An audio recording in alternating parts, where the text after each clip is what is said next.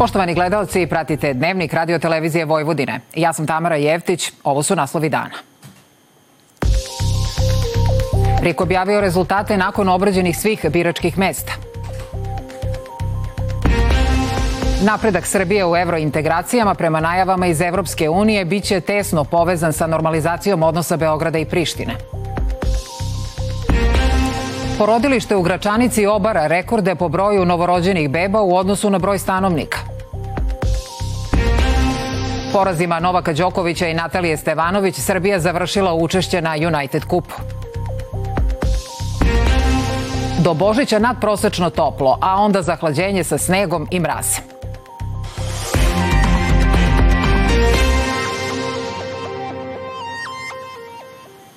Republička izborna komisija je posle ponovljenih izbora na osam biračkih mesta saopštila da je na osnovu svih obrađenih mesta na parlamentarnim izborima lista Aleksandar Vučić Srbija ne sme da stane osvojila 46,75 odsto, odnosno 1.783.701 glas. Objavljeno je na sajtu RIKA. Izborna lista Srbija protiv nasilja osvojila je 23,66 odsto glasova i za njih je glasalo 902.450 50 ljudi.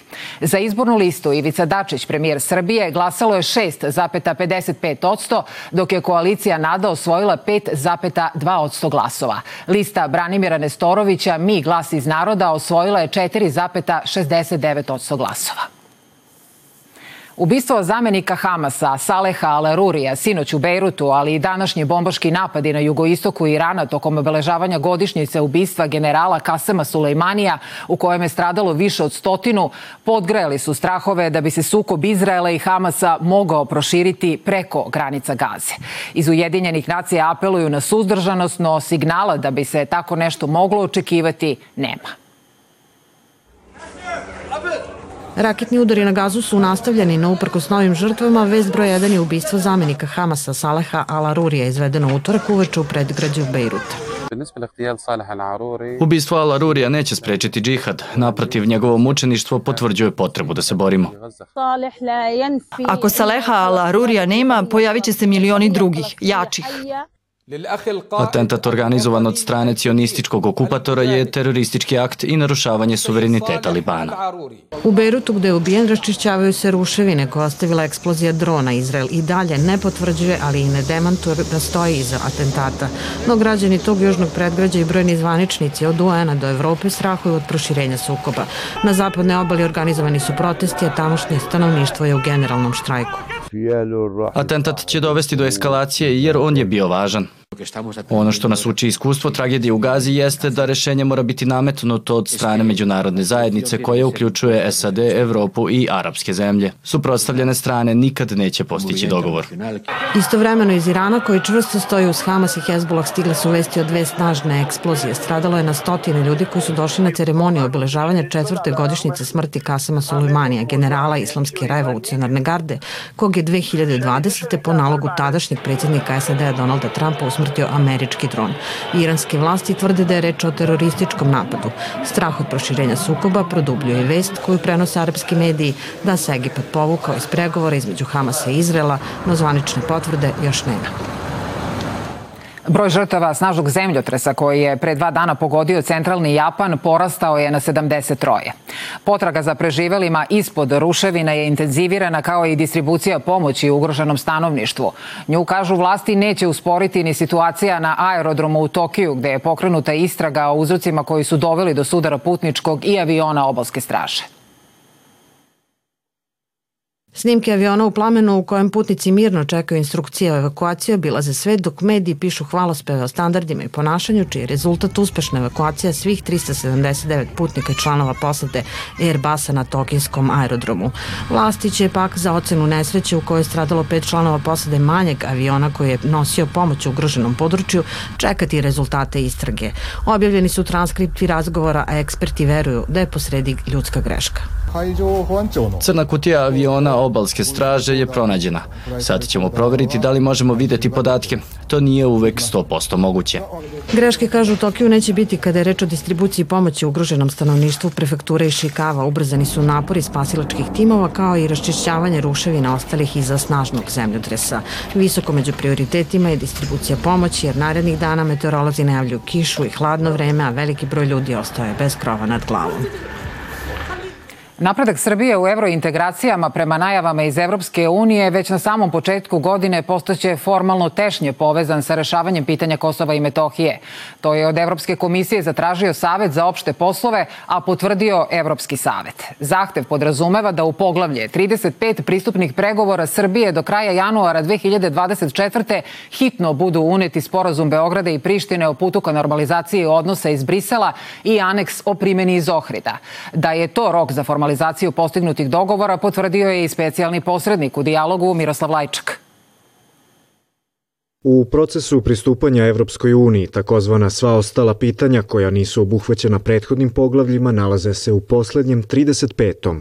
Za Beograd je to normalizacija odnosa sa Prištinom, oblast koja diktira ukupan tempo evrointegracija Srbije prema zahtevu iz Brisela dobiće dodatne, jasno formulisane kriterijume. Taj zahtev je ono što bi rekli birokratska sada obaveza uh, ljudi koji rade, uh, činovnika, diplomata, i Lajčaka, tako da ja zaista očekujem kraj feb, januara, početak februara, da se oni pojave sa amandmanima na poglavlje 35 pregovaračkog okvira za članstvo Srbije u Evropskoj uniji. Najavljena dopuna merila za poglavlje 35 tumači se kao sporna zbog mogućeg uključivanja obaveze za Srbiju da se ne protivi članstvu svoje južne pokrajine u međunarodnim organizacijama. Predsednik Skupštinskog odbora za kosmet ocenjuje da bi to bio potpuno pogrešan politički potez Evropske unije, koji bi dodatno zakomplikovao odnose Beograda i Prištine, ali i doveo u pitanje evropski put ne samo Srbije, već i celog regiona. Mislim da je to zapravo poslednje političko sredstvo ucene Srbije kojim Evropska unija može da se posluži. Da nas uceni ako hoćete u Evropsku uniju, onda ćete morati da se odreknete dela teritorije. Posle toga više nema i šta u političkom smislu da preduzime od nekih mera pritisaka na Beograd. Veće pritiske doneo je francusko-nemački plan. Na dogovore o normalizaciji odnosa sa Prištinom postignute u Briselu u februaru i u Ohridu u martu potpisi nisu stavljeni, a saglasnost Beograda je bila usmena, ali načelna i uz jasne rezerve. Svi ti napori koji su činjeni posle 2000. godine doveli su do tog sporazuma. Znači, to je to, to je maksimum, a ako narod stvarno neće, onda znamo, nećemo ići u Evropsku uniju, nećemo nigde ići. Rezerve Srbije na sporazum su izražene i pismenim putem, a taj stav je u Briselu predučen prilikom usaglašavanja sa deklaracijom samita Evropska unija, Zapadni Balkan. Što se nas tiče, mislim da je apsolutno neprihvatljivo da bilo ko razmišlja da može da mogu da se stvore bilo kakvi, bilo kada uslovi da se Beograd odrekne Kosovo i Metohije, de facto priznanjem u početku, posle de jure i da im otvori vrata za članstvo u međunarodnim organizacijama. Pitanje će biti hitno za naredni saziv Narodne skupštine, smatra Milovan Drecun, koji u parlamentu očekuje jačanje državne pozicije o Kosovu i Metohiji, a ukoliko poslanici odbace amandmane na poglavlje 35, Posledičan je gubitak ne samo evropske perspektive, već i financijske pomoći, zaključuje Dušan Janjić. Ministar financija Siniša Mali izjavio je da se u 2024. godini očekuje rad na realizaciji brojnih velikih projekata kao što su Beogradski metro, Expo, Beogradska autobuska stanica, Biofor kampus, putevi, pruge, kanalizaciona mreža, radovi u Beogradu na vodi i da je novac za to obezbeđen u budžetu za ovu godinu. To su stvari koje menjaju Srbiju. Nijednu investiciju nismo zaustavili. Svaka od tih investicija doprinosi rastu i razvoju našeg BDP-a. Svaka od tih investicija na neki način pomaže i lokalu. Prošle godine u Srbiji je ubijeno 28 žena, među kojima su dve devojčice. Prema rečima koordinatorke Sigurne kuće Vesne Stanojević, jedna ubijena žena je previše i niko nema pravo da nekoga liši života. U svojoj izjavi za Tanjug istakla je da su se žene ohrabrile da prijave nasilje, ali su i dalje velikom broju žrtava ruke vezane. Niko neće osuditi ženu je žrtva, sve možda nekih sličnih likova kao što je i on. Ali generalno da, da mora da vidi način, ne da prijavi preko policije. Ja znam da to nije baš tako jednostavno, pogotovo u manjim sredinama.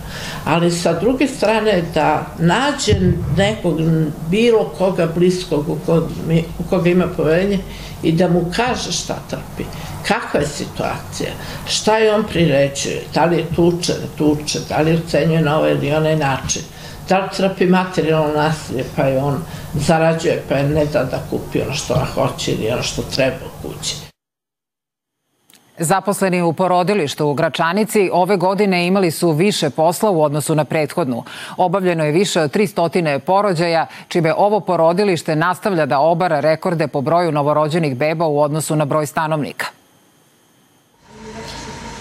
Stopa uvećanog nataliteta u srpskim sredinama na Kosovo i Metohiji se nastavlja. Porodilište u Gračanici beleži baby boomove. U dečijem boksu svakodnevno se nalazi više beba. Ako hoćemo opstanak, moramo da imamo stanovništvo. E, lepši pol, odnosno žene su to prepoznale. Ja pre, mislim da se oni više prepoznali nego, nego njihovi partneri, da je samo natalitet taj koji može da održi barem ljude na Kosovu, naravno u čitavoj Srbiji, ali posebno u ovim sredinama. Porodilištu su potrebni bolji uslovi za funkcionisanje. Osoblje i lekari pružaju maksimum da se trudnice i porodilje osjećaju sigurno. Ovo mi je treći porođaj po redu, znači imam dva sina, sad sam dobila čerku, ovaj, sve proteklo u najboljem redu, ovaj, mogu da kažem da je da pohvalim osoblje kompletno, stvarno su svi maksimalno se potrudili, stvarno su svi korektni. Lekari ističu da je u porastu broj bračnih parova koji se odlučuju da šire porodicu, rođenjem trećeg ili četvrtog deteta. Žene, nažalost, u svoju reprodukciju počinju malo kasnije, znači pomerili su granicu makar za 5 godina i mnoge žene, prilike 30% žena počinje svoju reprodukciju u 30. godinama, što opet nosi neke svoje komorbiditete moguće, ali i u ovim sredinama se žene odlučuju na e, trudnoću u kasnim i pozdravim godinama, a ne kao prva trudnoća, nego kao treća ili četvrta trudnoća, što opet mogu da kažem da je i ovaj, e, verovanje i u sebe i u lekare na ovom prostoru da mogu da iznesu i rizičnu trudnoću kao što je trudnoća nakon 35. godine i već više. U porodilištima u Kosovskoj Mitrovici, Gračanici i Pasjenu godišnje se rodi oko hiljadu beba. Patrijarh Porfirije započeo je posetu Kosovu i Metohiji, gde će zajedno sa srpskim narodom dočekati Božić. Patrijarh Porfirije prvo će obići Pećku patrijaršiju, a tokom boravka na Kosmetu posetit će i Visoke Dečane, Gračanicu i druge manastire. Srpski patrijarh će na Božić služiti arhijerijsku liturgiju u sedištu Srpske pravoslavne crkve u Pećkoj patrijaršiji. Ranije danas Patrijah Porfirije je u kripti hrama Svetog Save podelio božićne paketiće deci bez roditeljskog staranja iz doma u Zvečanskoj učenicima škola pri beogradskim bolnicama i mališanima iz porodica sa više dece. Versko dobrotvorno starateljstvo Arhijepiskopije Beogradsko-Karlovačke u saradnji sa hramom Svetog Save već šestu godinu za redom organizuje ovo darivanje a mališane u Požeškom selu Gorobilje i ove godine posetio je najmlađi Deda Mraz na svetu koji na novogodišnju svečanost stiže na konju i u pratnji svojih pomagača. Ovaj neobični Deda Mraz ima samo šest godina i san da kada poraste postane najbolji poljoprivrednik u Srbiji. Tradicionalno u Požeško selo Gorobilje umesto na Irvasima, Deda Mraz sa svojom lepšom polovinom i ove godine stiže na konju, sa paketićima do jedinstvenog vrtića u ovom kraju. Ja sam i prošle godine svojim drugarima donosio paketiće i mi se uvek dogovorimo svake godine da mi ja donesem paketiće. Ja sam rešila da budem baba mrazica i da Milošu pomognem da, po, da donesemo deci poklona. Ja sam učestvovala da im pomognem da dele paketića. Dobro. Šta bi vi voleli od Deda Mraza da dobijete ove godine? Balbiku. E, neku barbiku, neku lutku. Vrtić broji više od 50 dece čiji vaspitači i roditelji imaju zajednički cilj, da im deca umesto u virtualnom svetu uživaju u prirodi i osete prednosti života na selu. Mi smo ovaj vrtić jednostavno nazvali vrtić u prirodi, jer mi puno vremena, malte ne po celi dan našeg radnog vremena provodimo u, u prirodi da se deca što više odvoje od telefona i od virtualnog sveta u kome žive. Zadnje dve godine mi kao roditelji zajedno sa vaspitačima e, organizujemo pravljanje paketića i e, Miloš svake godine donosi sa svojim Čarlijem paketiće drugarima u vrtić. Šestogodišnji Deda Mraz iz Gorobilja jaš od svoje četvrte godine najveća podrška mu je Deda Rade, koji školicom jahanja u ovom kraju boji detinjstvo najmlađih, pa u selu gotovo i da nema deteta koje ne zna da jaše konja? Pa da deca što više provode vremena u prirodi, da se druže, da što manje koriste ove mobilne telefone i ostalo. Zdrav život. Ja jednostavno živim i uživam u tome da sam s njim, da ostane na selu, da provodimo zajedno detinstvo. Želje dece u Požeškom selu Gorobilje su ostvarene, a reklo bi se i dedine, jer mali deda Mraz svojom željom ujedno je ispunio i najveću dedinu. Ja se budem veliki poljoprivrednik. A kako je izgledala teatarska 2023. godina, saznajte u prilogu koji sledi. U 2023. godini naša i regionalna najznačajnija teatarska smotra Sterino pozorje održana je 68. put, a za najbolju predstavu proglašena je uspavanka za Aleksiju Rajčić, reditelja Juga Đorđevića u izvođenju Narodnog pozorišta Beograd.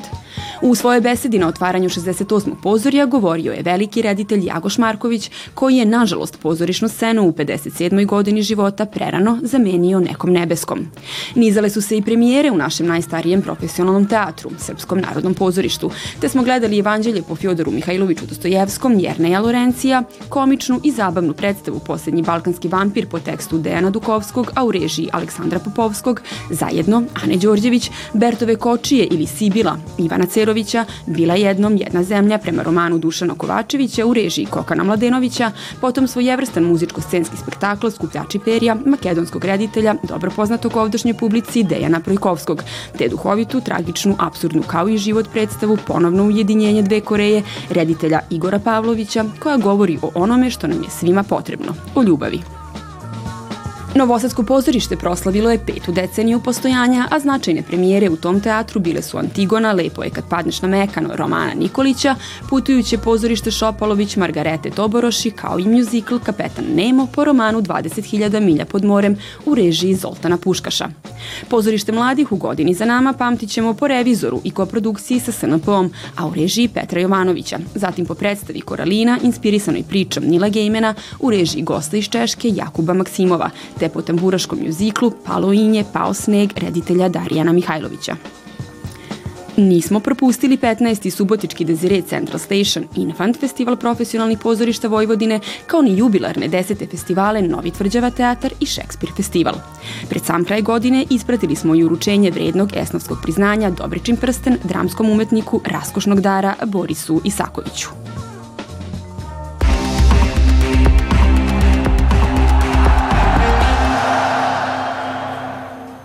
Lazo, Srbija završila učešće na United Cupu. Tako je, Tamara, a možda brine i povreda Novaka Đokovića. U četvrtfinalu United Kupa Srbija je porazima Novaka Đokovića i Natalija Stevanović eliminisana od domaće reprezentacije Australije. Novak Đoković zabeležio je svoj prvi poraz u novoj sezoni izgubivši od Aleksa de Minora sa 2-0 po setovima 6-4 6-4. Za prvi Novakov poraz na tlo Australije u poslednjih šest godina deluje kao da je osim dobre igre de Minora zaslužna bila i povreda zgloba desne ruke koja je najboljem teniseru svih vremena zadavala puno problema, a kako je meč odmicao, uticala pogotovo na snagu prvog servisa. Na posledku sa pojednim brejkom u oba seta i nakon 94 minuta igre, Deminor slavi svoj prvi triumf u međusobnim duelima sa našim asom. U drugom duelu dana, umesto umorne Olge Danilović, selektor Viktor Trujicki odlučio je da šansu pruži Nataliji Stevanović, ali je nakon 64 minuta igre od nje bila bolja Ajla Tomljanović, takođe sa 2-0 po setovima 6-1, 6-1, čime je reprezentacija Australije osigurala prolaz u polufinale United Kupa. Prelazimo na košarku. Sinoć su u 18. kolu Evrolige naši predstavnici zabeležili triumfe. Crvena zvezda nad Fenerbahčevom u Istanbulu, a Partizan nad Asfelom u Beogradu. Obe ekipe u dobrom raspoloženju dočekuju sutrašnji večiti derbi koji će biti odigran u okviru 19. kola Evrolige. Domaćin će biti Crvena zvezda, a Partizan je u dva dosadašnja duela ove sezone oba puta bio bolji od večitog rivala. Crnobeli zauzimaju osmu poziciju na tabeli sa 10 pobjeda i 8 poraza, dok su crvenobeli u težoj situaciji jer se nalaze na 15. mestu sa negativnim učinkom od 7 pobjeda i 11 poraza. Sutrašnji meč u Beogradskoj areni počinje u 20 časova. A u okviru tradicionalne novogodišnje četiri skakaonice najbolji skakači danas su se nadmetali u austrijskom Innsbrucku. Na oduševljenje Austrijanaca domaći skakač Jan Herl zauzeo je prvo mesto osvojivši 267,5 poena u zbiru. Drugi je bio Japanac Kobayashi, dok je treću poziciju zauzeo Austrijanac Mihael Hajbek. Poslednja stanica u okviru četiri skakonice je u Bischofshofenu, tradicionalno zakazana za 6. januar. Tamara, sutra košarkaški spektakl u areni. Hvala Lazo na svim ovim informacijama. Nakon poplava koje su zadesile Budimpeštu, Dunav se izlio kod Novog Sada u vikend naseljima Kamenjar i Ribarac kao i na štrandu. Voda je poplavila vikendice uz rečnu obalu, a kretanje ulicama je otežano. Trenutni vodostaji nisu opasni za grad, a poplavljene naselja spadaju u nebranjena područja. Inače na Dunavu od Bezdana do Slankamena i na Tisi kod Titela vodostaji su iznad redovne odbrane od poplava. Sutra se očekuje blago opadanje. A kada je reč o vremenu i narednih dana nadprosečno toplo, a zahlađenje stiže posle Božića.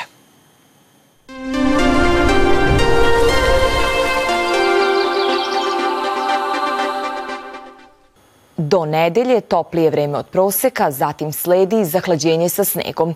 Sutra ujutru prolazna oblačnost uz kišu povremeno zahvata prvo Vojvodinu. Ponegde su mogući i kratkotreni pljuskovi. Sneg se očekuje samo na planinama. Posle podne razvedravanje uz više sunčani perioda u svim predelima. Duvaće umeren vetar zapadnog pravca. Jutarnja temperatura 2 stepena dnevno od 11. do 15. podeljka. Tokom noći suvo. U petak suvo sunčano i topli od proseka. Prvog dana vikenda promenjivo oblačno u sunce, ali i kišu. U Banatu pojačana košava. 7. januara pad temperature. U noći između nedelje i ponedeljka zaklađenje sa snegom u celoj zemlji. Pratili ste Dnevnik RTV-a. Hvala vam na pažnji. Doviđenja.